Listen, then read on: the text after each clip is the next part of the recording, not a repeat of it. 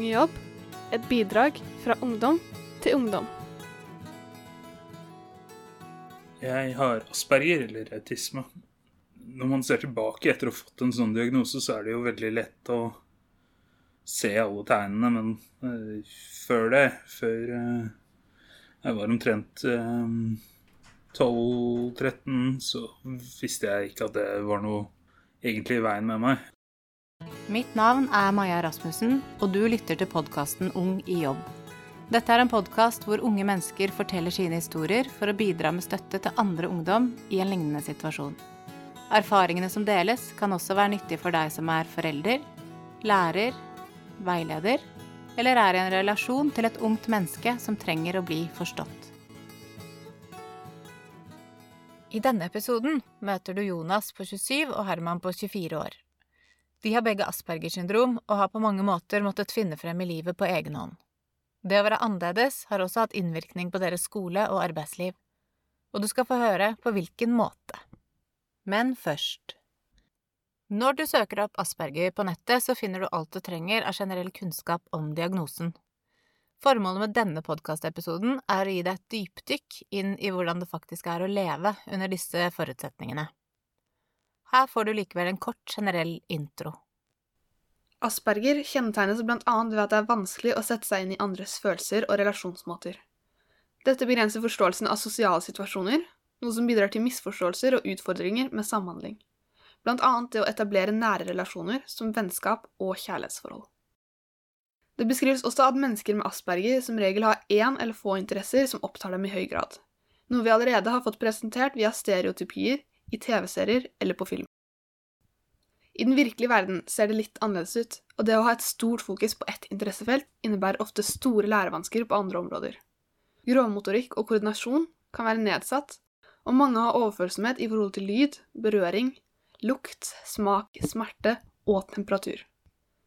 Disse forutsetningene kan naturlig nok oppleves belastende, og en høy andel av de som får diagnosen, utvikler depresjon, i likhet med at en høy andel også blir stående utenfor arbeidslivet. Kartleggingene av årsakene til asperger har vist at genetiske faktorer har stor betydning. Men selv om asperger er medfødt og arvelig, så er det mange som ikke får diagnosen før de er i tenårene eller i voksen alder. Noen ganger aldri. Asperger kan ikke kureres eller behandles. Jonas, som du hørte stemmen til i starten av denne episoden, kom til mitt kontor for å gjøre opptak 13. mai. Det er to år siden jeg var hans veileder i Ung jobb, og han kommer i god tid før avtalen, sånn som jeg husker at han alltid gjorde. Det å komme for sent eller å oppleve at ting ikke går etter planen, medfører at Jonas opplever angst og uro. Når Jonas setter seg ned og forteller, er det som å høre han lese opp fra en bok eller et manus.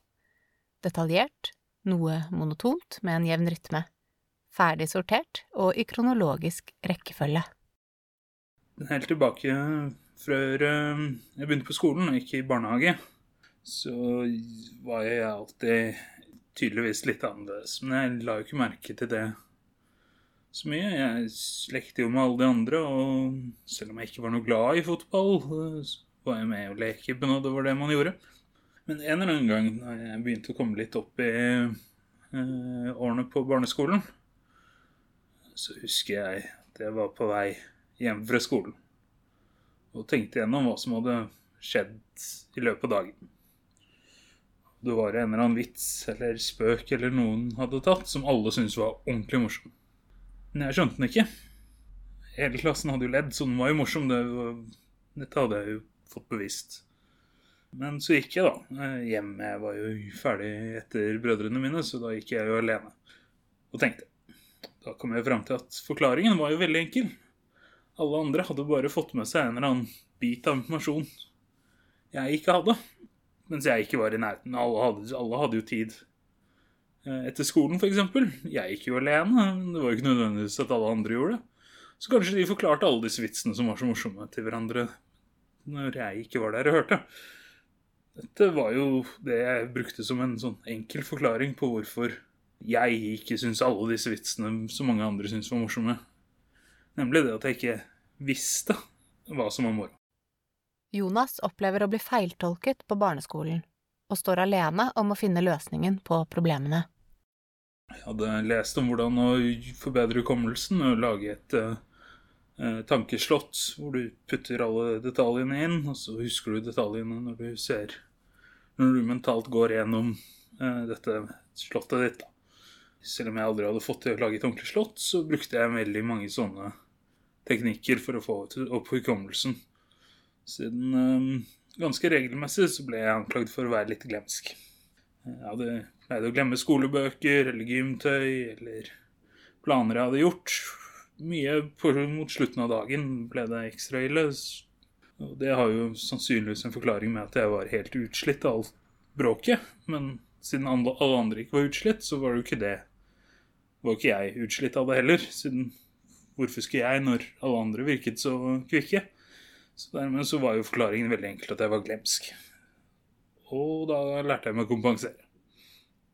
Hjem fra skolen tok jeg med meg alle skolebøkene hver, eh, hver dag, sånn at jeg slapp å styre med det. På grunn av Jeg var jo litt glemsk. Det var jo tungt, men eh, jeg var helt sikker på at dette var riktig løsningen å gjøre det på. I sjette klasse, eh, tror jeg, så var det en konferansetime som forklarte litt mer. Eh, hvor mamma og eh, to lærere satt med meg og gikk gjennom hvordan det gikk på meg med skolen. Og ting gikk for det meste greit. Så lærerne de syntes jo jeg var flink, og jeg fulgte med og gjorde som, ble sagt, som ble sagt. Men de syntes jeg var litt lat. Det var ikke alltid jeg klarte å bli med når de ikke ga meg direkte beskjeder. De syntes jeg var eh, sløv og trøtt på slutten av dagen og i det hele tatt trodde jeg ikke orket å gjøre lekser. Det var jo på mange måter sant òg. Jeg syntes leksene var ordentlig slit. Og likte ikke å gjøre dem, så dermed så glemte jeg å gjøre dem ganske regelmessig. Men dette satt jo da litt i meg. Jeg lurte på hva dette her var for noe. Eh, nå skal det sies at eh, lærerne jeg hadde på barneskolen, var gamle. Flere av dem gikk av med pensjon året vi sluttet. Og dermed så hadde ikke disse lærerne en tendens til å eh, sende barn videre eh, til undersøkelse når noe var litt merkelig. De, de ga barna litt ekstra oppfølging, gjerne foran sånn at hele klassen fikk det med seg. Nå har du hørt Jonas fortelle om en av de tidlige opplevelsene han hadde med å føle seg annerledes på barneskolen. På tide å introdusere deg for Herman. Hei, Herman. God dag. Du, det var lenge siden sist. Ja, det er en stund. Det var veldig fint å se deg igjen. I like måte.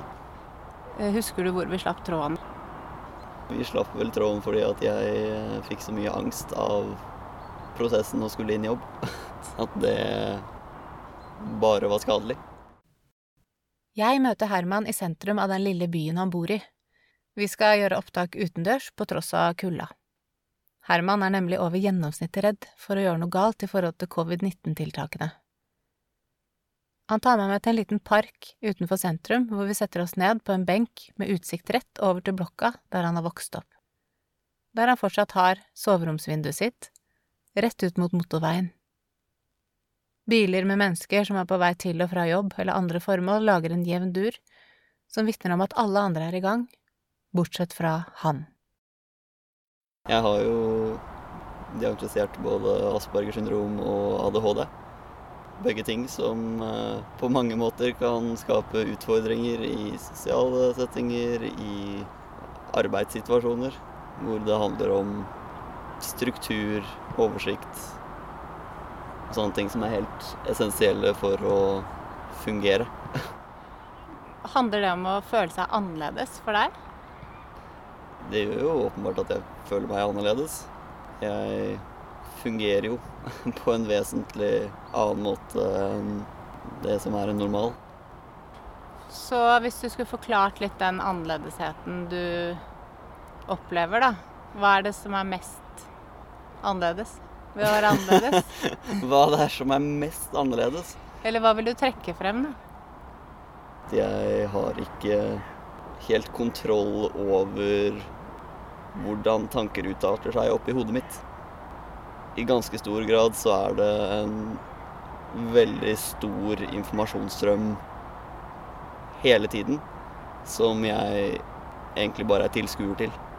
Jeg har ikke den samme påvirkningskraften som andre har på egen autonomi. Det vil si evnen til å ta egne valg og bestemme over seg selv. Og det skaper jo utfordringer når man ønsker å ta og jobbe med et prosjekt. Når man trenger å konsentrere seg om et eller annet. Hva skjer da? Da skjer det ytterst lite. og det er det som er problemet. Jeg kan ikke bare bestemme meg for at å, nå er jeg nødt til å ta og skrive denne, denne rapporten, denne stilen, denne hva nå enn det er. Det er ikke sånn at jeg kan overstyre motvilje i kroppen min. Altså den motviljen som sikkert veldig mange kjenner når de skal gjøre et eller annet de kanskje ikke syns er det morsomste i verden. Ja. Når jeg ikke syns at noe er det morsomste i verden, da er det ikke bare kjedelig. Da er det nesten helt umulig. Ok. Og det er ganske frustrerende. Er det følelser, eller er det bare at det stopper helt opp? Altså, det er jo begge deler. Det stopper helt opp, og det skaper jo følelser. Det er jo ikke som at jeg ikke skjønner at det er forventet at dette er ting man skal få til. Og det er ikke som at jeg heller skjønner hvorfor det er sånn. Det er jo en ting som er veldig vanskelig å akseptere, at man har et handikap. Ja, og det er jo ganske utfordrende når det er snakk om den type handikap som de aller fleste kan veldig lite om, og da ikke forstår så mye av. Mennesker man har møtt eh, som aldri har hørt om iallfall Aspergers syndrom.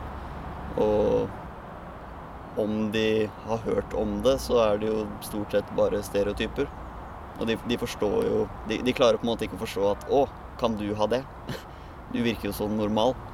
Fordi at man ikke er typen karikatur på nivå med Sherlock Holmes eller eh, Sheldon Cooper.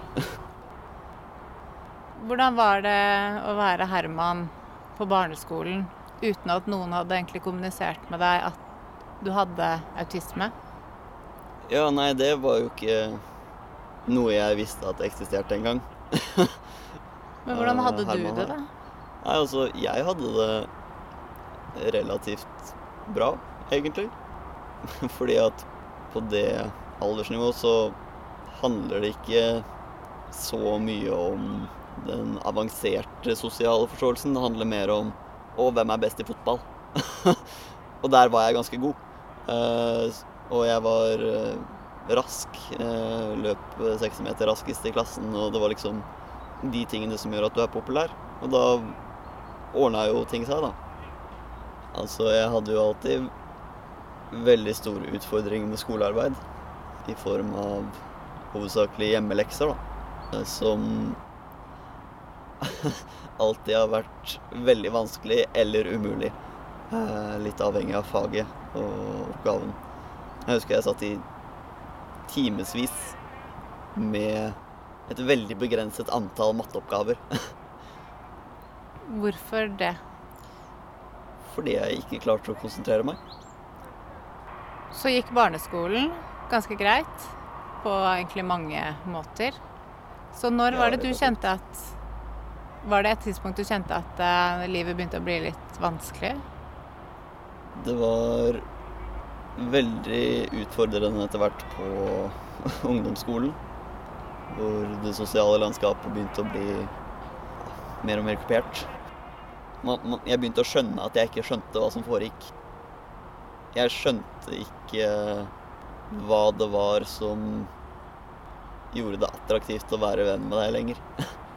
Som var veldig forvirrende. Var det fordi samtalene mellom folk fikk mer og mer plass og betydning istedenfor aktiviteter? Det må jo være derfor, Mm. egentlig. At det begynte å handle mer om å prate om aktiviteter som jeg også ikke forsto meg på, i form av fester og lignende. Hva skjedde med deg da, når du kjente på den Nei, altså, jeg Det å ikke jo- forstå? Jeg ble jo forvirra og usikker og får jo etter hvert større og større tvil rundt, rundt seg selv. Jeg hører hvordan det gikk med Jonas på dette stadiet i livet. Så kom jeg på ungdomsskolen, og etter eh, bare noen få måneder så finner eh, lærerne ut at de klarer ikke å lese håndskriften min. Og de sender meg da for å bli testet for skriftlig dysleksi. Eh, svaret var- kom jo ganske fort frem at nei, det er bare det at jeg har dårlig håndskrift. Psykologen la merke til eh, en del trekk jeg hadde som han syntes var litt merkelige. Bl.a. det at jeg ikke så han i ansiktet. Jeg så heller ut vinduet, eller ned på stolen, eller ned på pulten, eller fulgte med på hvem som gikk i gangen. Eh, Samtidig som jeg virket som om jeg var veldig oppmerksom på hva han sa. Han lurte da om dette kunne være en ADD-diagnose, som er jo da vanlig å teste med eh, medisiner. Hvis du tar konserter og det fungerer, så er det nok ADD eller ADHD hvis du hadde vært hyperaktiv. Så derfor så mm, gikk jo da psykologen videre med medisiner, mens jeg eh, jevnt og trutt kom meg gjennom eh, ungdomsskolen. Hvor jeg begynte å utvikle litt småmerkelige tendenser. Jeg syntes det var veldig greit å være sistemann inne i klasserommet, og dermed holde døren for alle andre. Siden jeg hadde lært at det å holde døren oppe, det var hyggelig. Da kunne jeg like så godt gjøre det for hele klassen, siden det var jo veldig hyggelig. Brukte nesten all fritiden min eh, på skolen i biblioteket, hvor jeg gikk gjennom veldig mange bøker og begynte å vise en tendens til som, til, som har til en ja, fast følge opp gjennom livet, og det er at jeg har ikke noe problem med å lese samme boken flere ganger.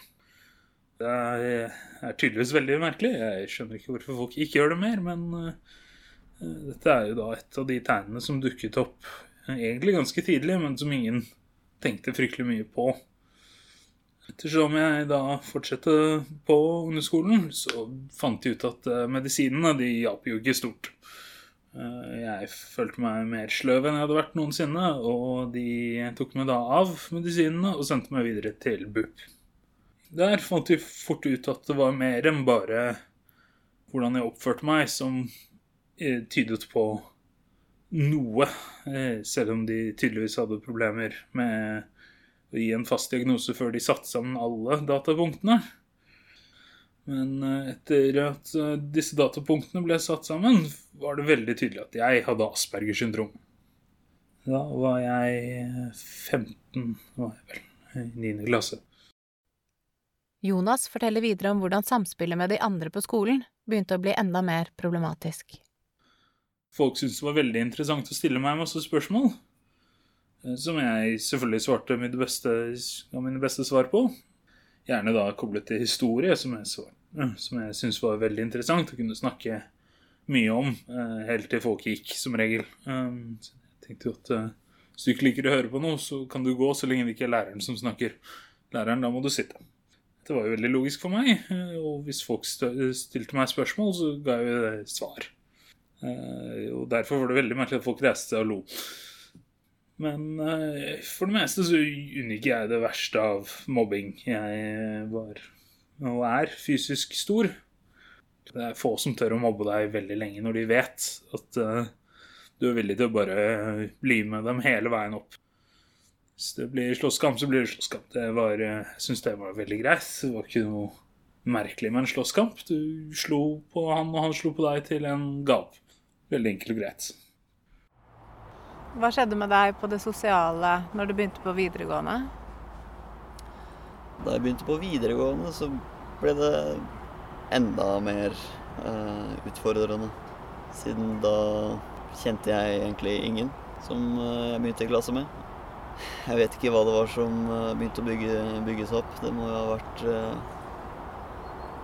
eh, mye, mye angst og depresjon som begynte å blomstre opp etter eh, en del eh, vanskelige mobbesituasjoner eh, mot slutten av ungdomsskolen. Hva ble du mobbet for? Akkurat hva jeg ble mobbet for, er jeg ikke helt sikker på. Det var vel sikkert det at jeg var annerledes, da. Og jeg ble presset ut av klassemiljø. Da, det var vel egentlig der ting begynte å gå litt utfor med min, eh, mitt mentale vel, velvære. Hva skjedde da, da med deg? Begynte jo å få en knekk, da. I form av at man følte seg uglesett og skvist ut av sosiale fellesskap. Og at man begynte å kjenne på en veldig sånn annerledeshet i at jeg begynte å se de områdene sosialt hvor jeg ikke forsto. Det, det virket som om alle andre forsto. Eh, og at jeg da ikke var en del av et fellesskap med alle andre mennesker. Ganske ensom følelse. Det, det er akkurat det det er. Fikk du noe hjelp av noen? Um, altså, jeg gikk jo til utredning uh, hos uh, BUP. Og jeg fikk en utredning som jeg ba om selv. Fikk diagnosen Asperger syndrom. Eh, Hjalp det å få diagnosen? altså, det har jo gitt rom for mye For mye refleksjon. Så det har jo hjulpet. Hvordan- Men det har jo også gjort at man bygget seg opp en tanke om annerledeshet. Og jeg, jeg følte aldri jeg hadde noe fellesskap med, med noen gruppe. Og så er det jo ikke sånn at man kan oppsøke andre med asperger og føle at man har nødvendigvis blitt med i en gruppe heller.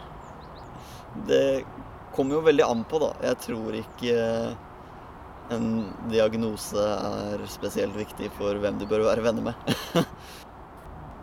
Så dette ønsket om sosiale relasjoner, det tok du med deg inn på videregående, selv om du hadde opplevd ganske tøffe tak på ungdomsskolen.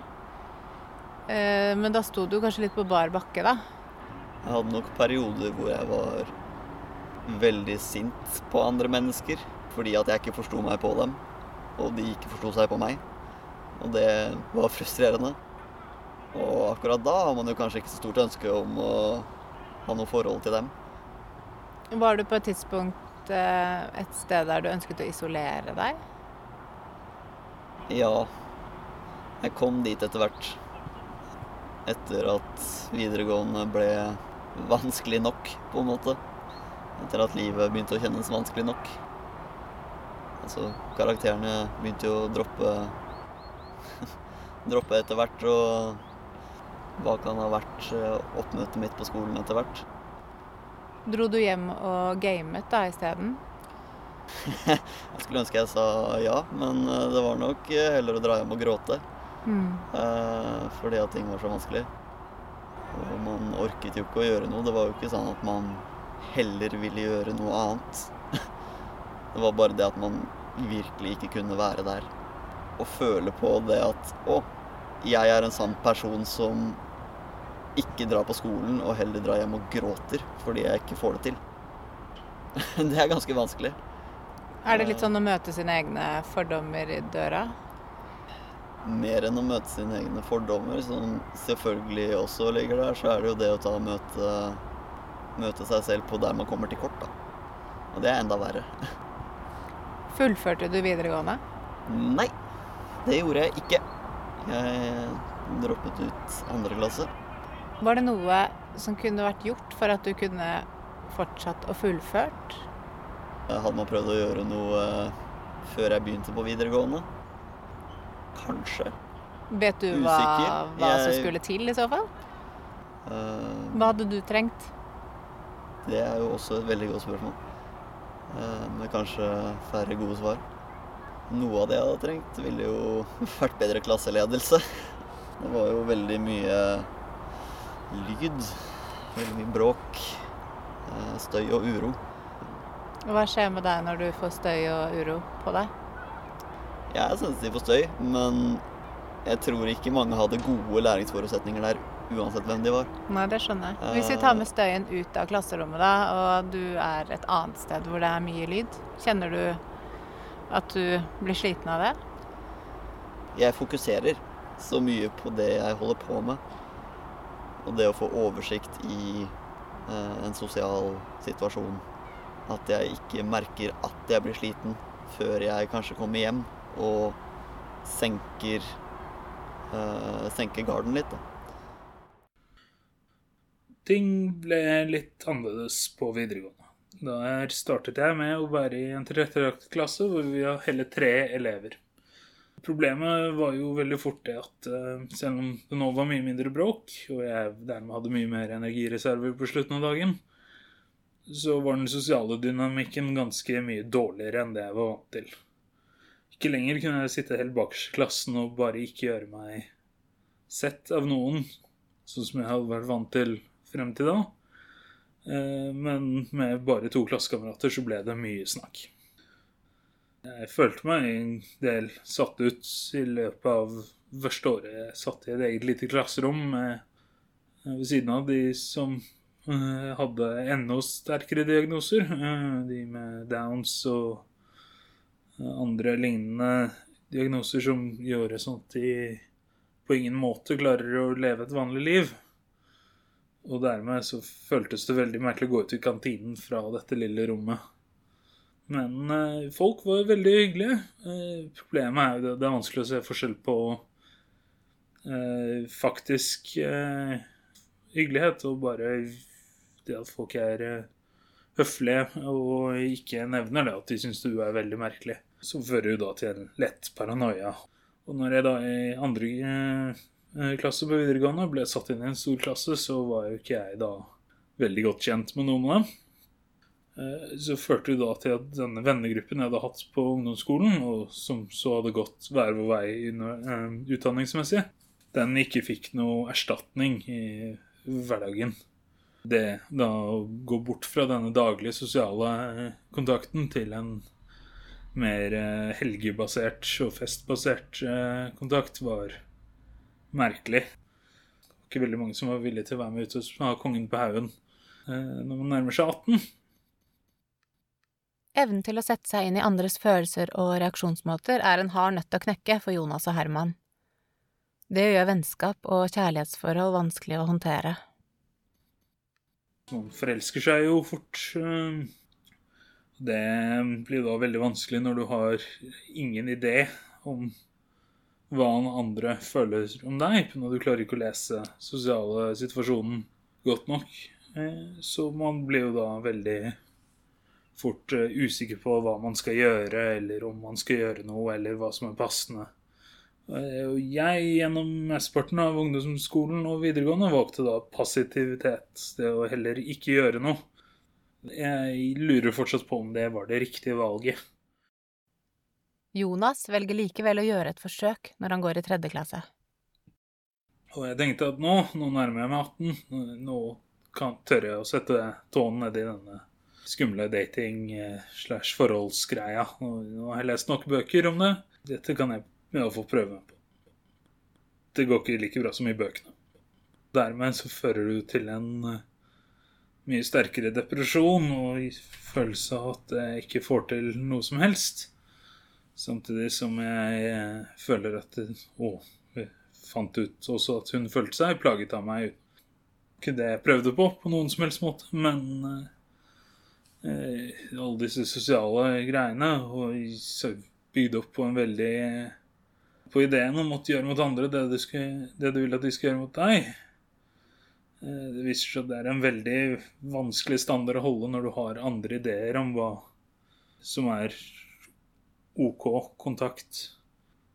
Jeg prøvde jo å snakke med henne eh, så ofte som jeg kunne mellom timer og lignende. Jonas fikk aldri noe respons fra jenta han var så forelsket i, og som var i den sosiale gjengen han gjentatte ganger tok initiativ til å bli en del av. Dette førte jo til en mørk periode eh, hvor jeg følte meg alene.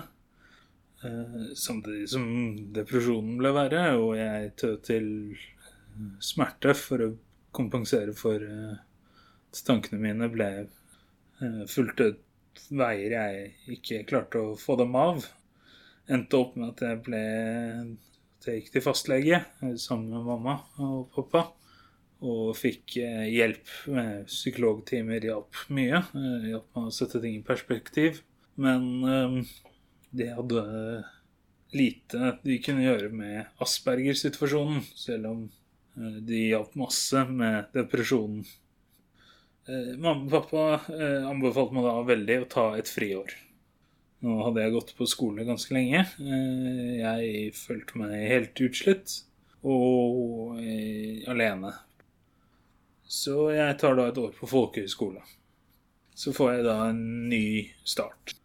Jeg eh, får eh, bygd opp et vennskap eller to. Og så fikk jeg min første kjæreste òg ganske fort etter til begynnelsen, som førte til at jeg hadde eh, veldig godt år med veldig mange av disse tingene som hadde plaget meg, at jeg aldri hadde fått til før. Nå visste at med riktig situasjon så var det ikke umulig for meg heller. Mange med asperger utvikler alvorlig depresjon som følge av å føle seg annerledes, ensom og koblet fra resten av samfunnet.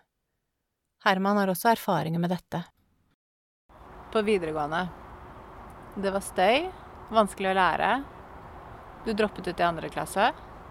Hvordan ble livet ditt etter at du droppet ut? Vel, uh, det viktigste å understreke der er at livet faktisk fortsatte. Eh, fordi at jeg var et sted hvor om jeg skulle prøvd å fortsette å gå på videregående, så tror jeg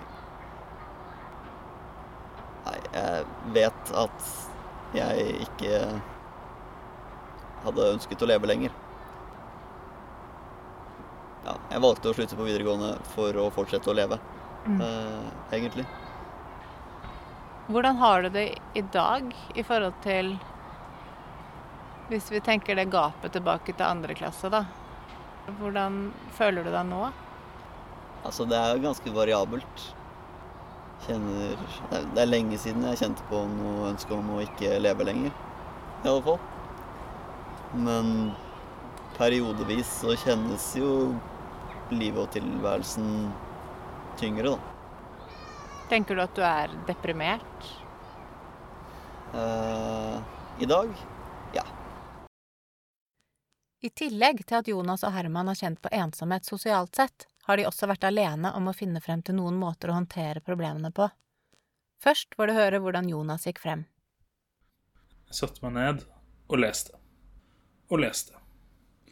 Det jeg fant fort ut, var at eh, veldig mange av bøkene for unge med asperger ga veldig vage svar. Det var mye om Ja, nei, du skal bare være snill med deg selv, og du må skjønne at folk har det litt annerledes, og mye sånt som jeg syns var helt enten selvsagt eller banalt. Det som hjalp mer, var når jeg fikk en håndbok for hvordan å ha, håndtere et barn på autismespekteret. Selv om det da var siktet til foreldrene, eh, så ga det jo da en god forklaring i, i problemene som dukker opp, og hvordan å unngå at disse problemene blir noe store. Som var jo nøyaktig hva jeg så etter.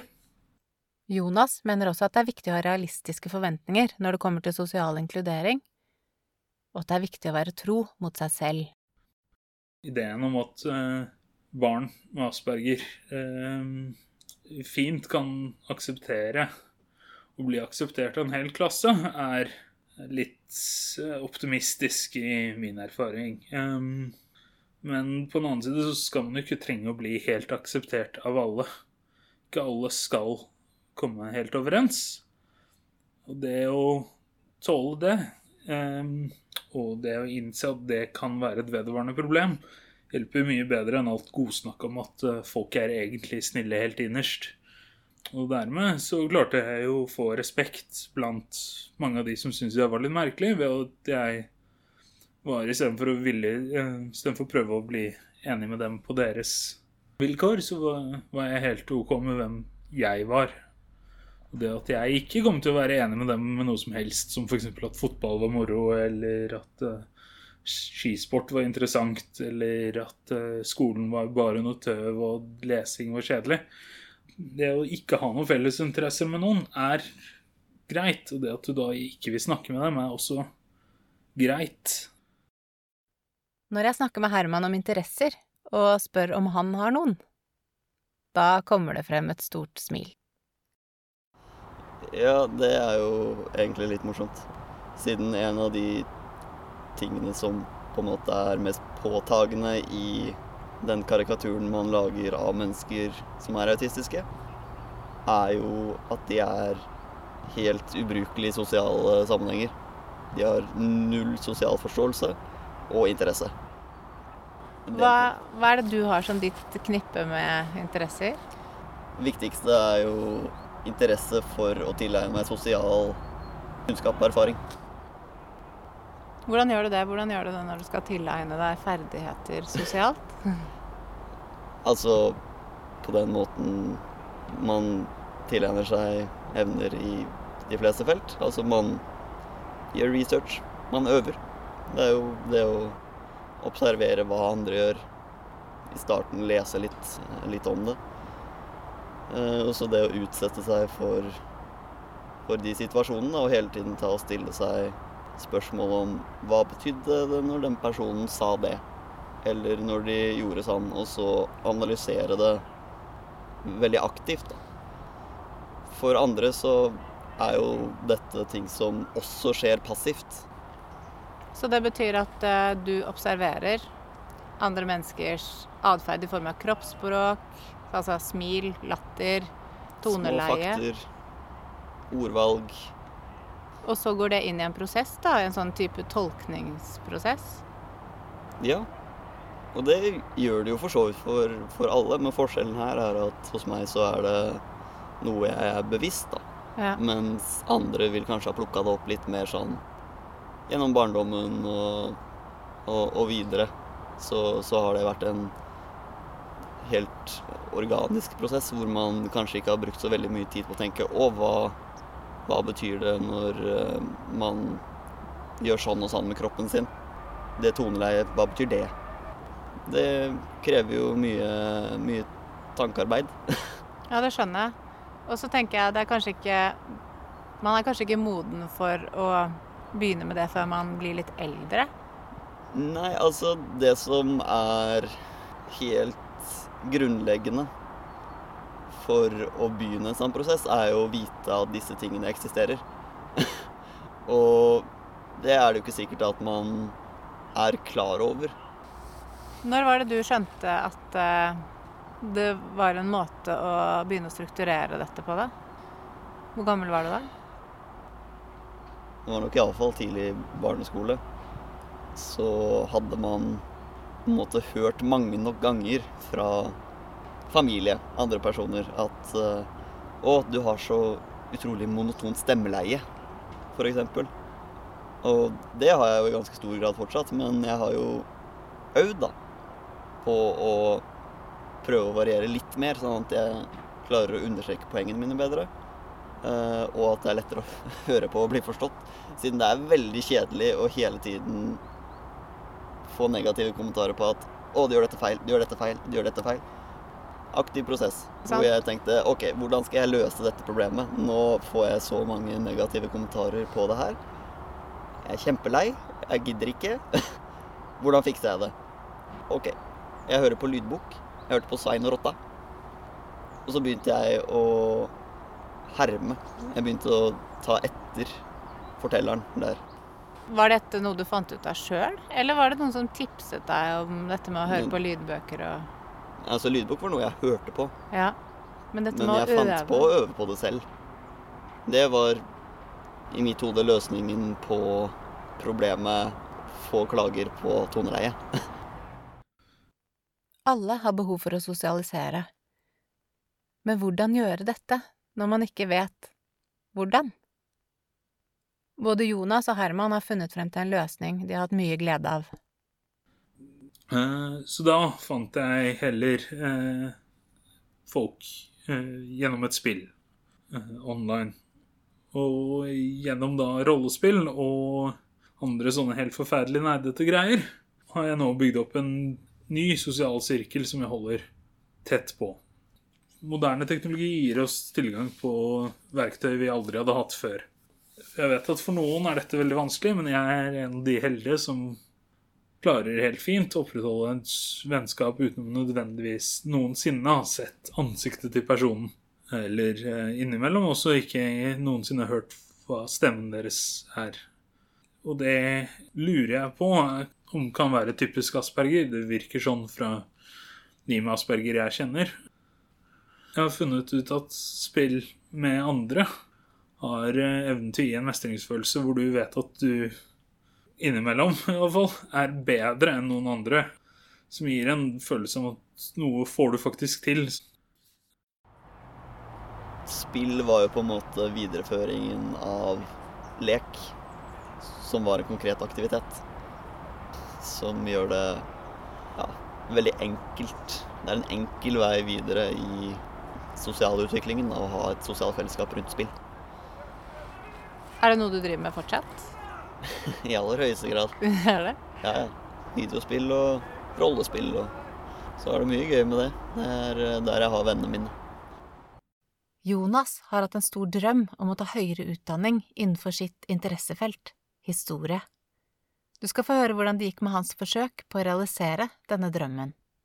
Jeg har vært eh, veldig heldig med at jeg alltid har hatt en spesiell interesse for historie. Og da hadde jeg jo alltid bestemt meg for at historie, eh, det skulle jeg studere på universitetet. Men universitetet var jo da en veldig merkelig opplevelse. Det var stort, det var mange folk, det var mange å bli kjent med som ikke nødvendigvis hadde samme klassedynamikken som jeg var vant med fra både skole og folkehøyskole. Og dermed så falt jeg veldig fort ut. Eh, jeg var eh, med i alle forelesninger pga. jeg hadde en timeplan å følge. Det fikk oppgave på starten, altså undervisning i denne oppgaven. Men det å skrive oppgave har jeg aldri vært noe flink på.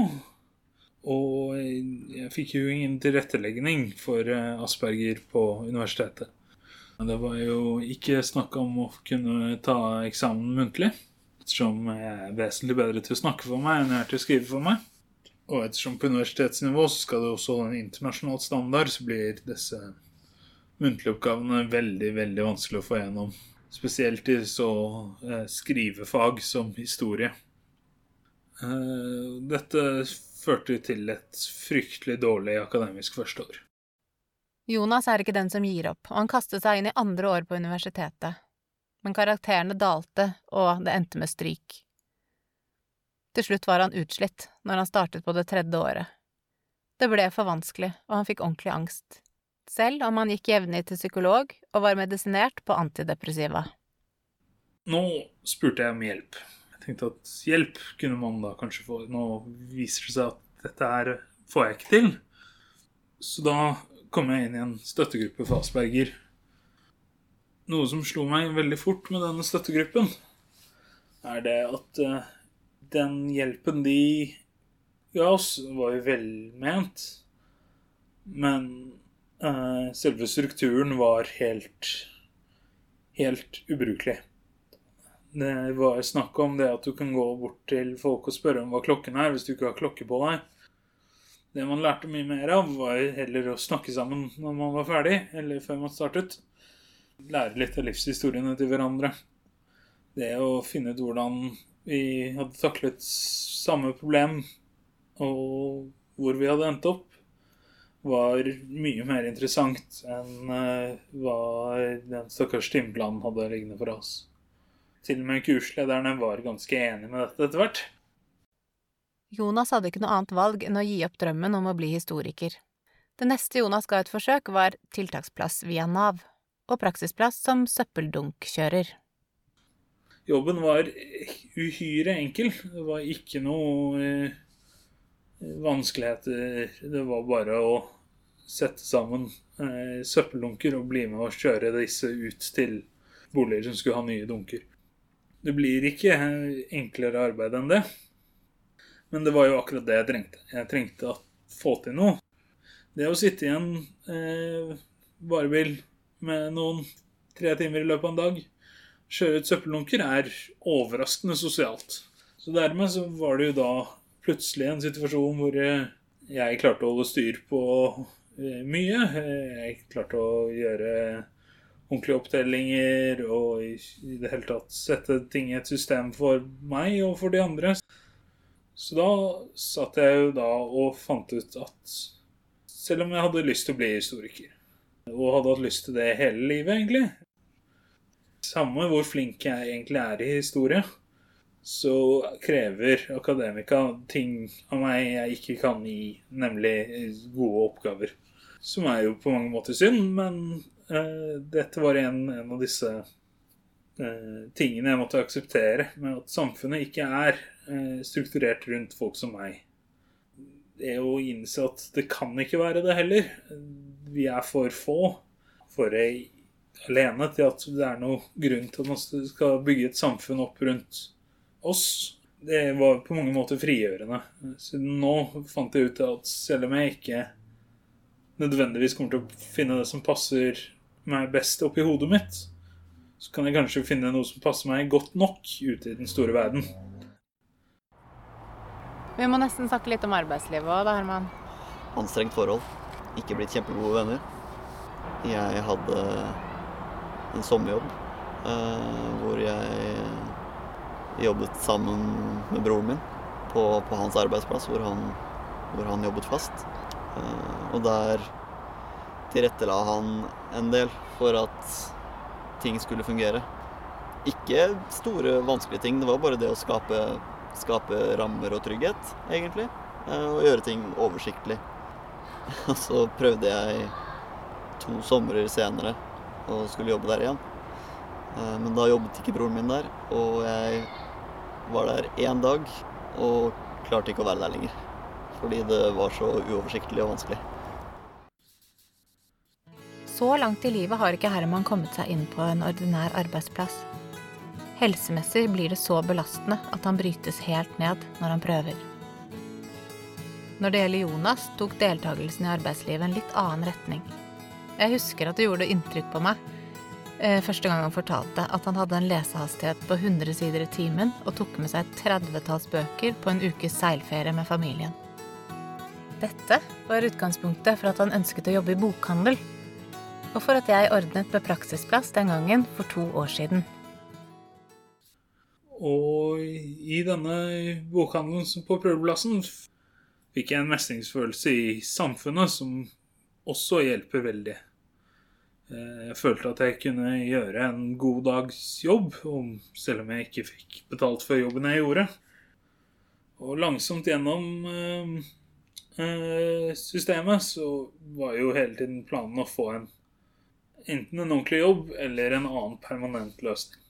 Og etter hvert så kom man frem til at ufør, ung og ufør-systemet til Nav og staten var det å sikte etter.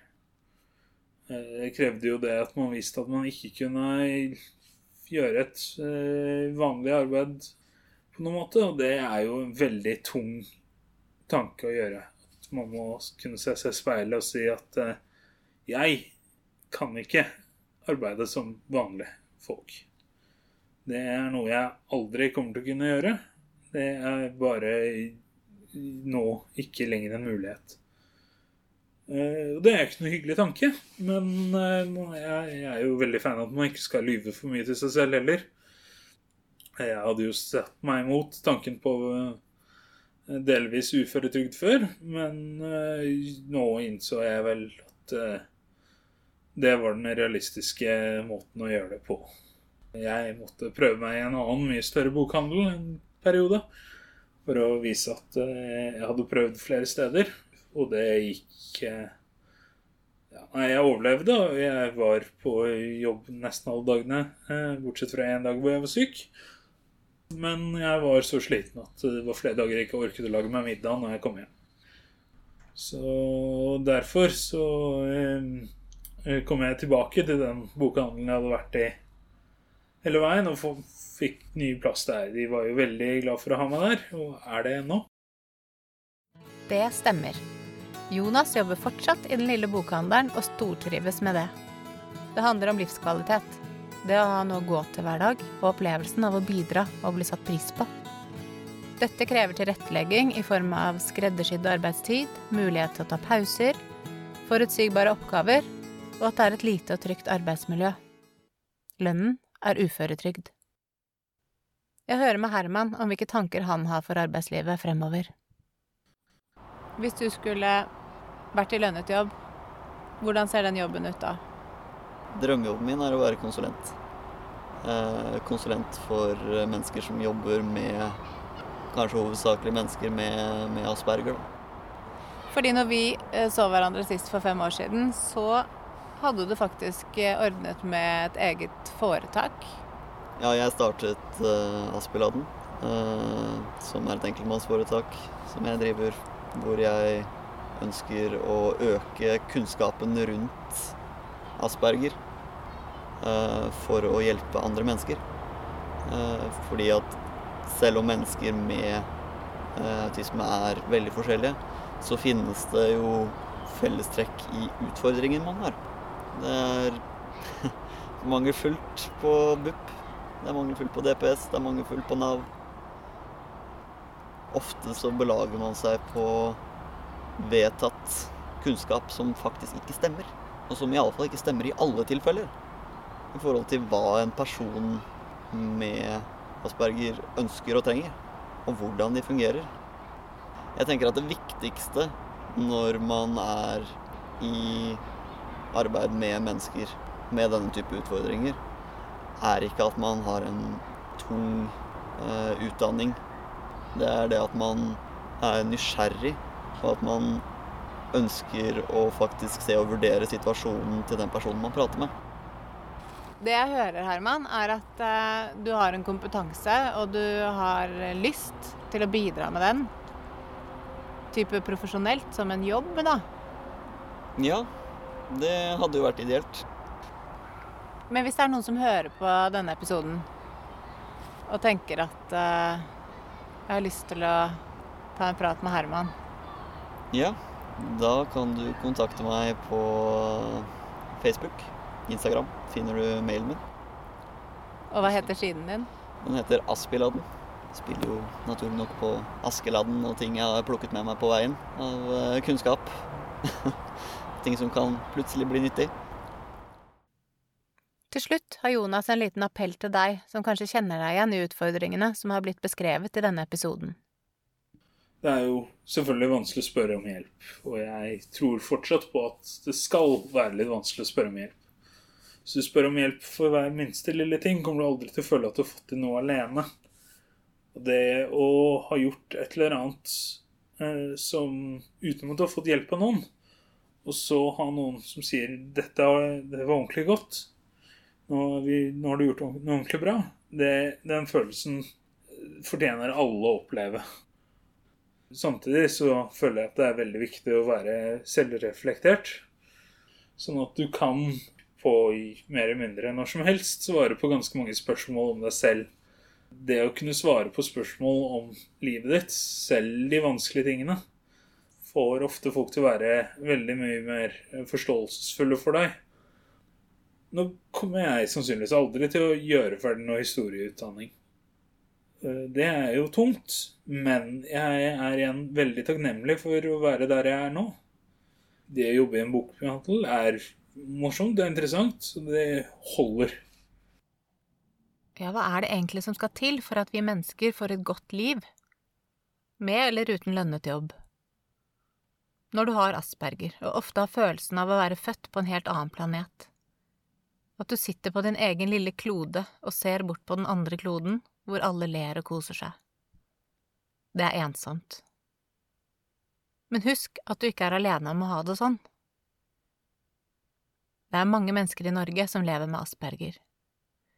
Jonas og Herman forteller at det er lurt å øve på sosialt samspill og finne ut mest mulig om seg selv og egne behov, og at det kan nettopp være noe av grunnlaget for et godt liv.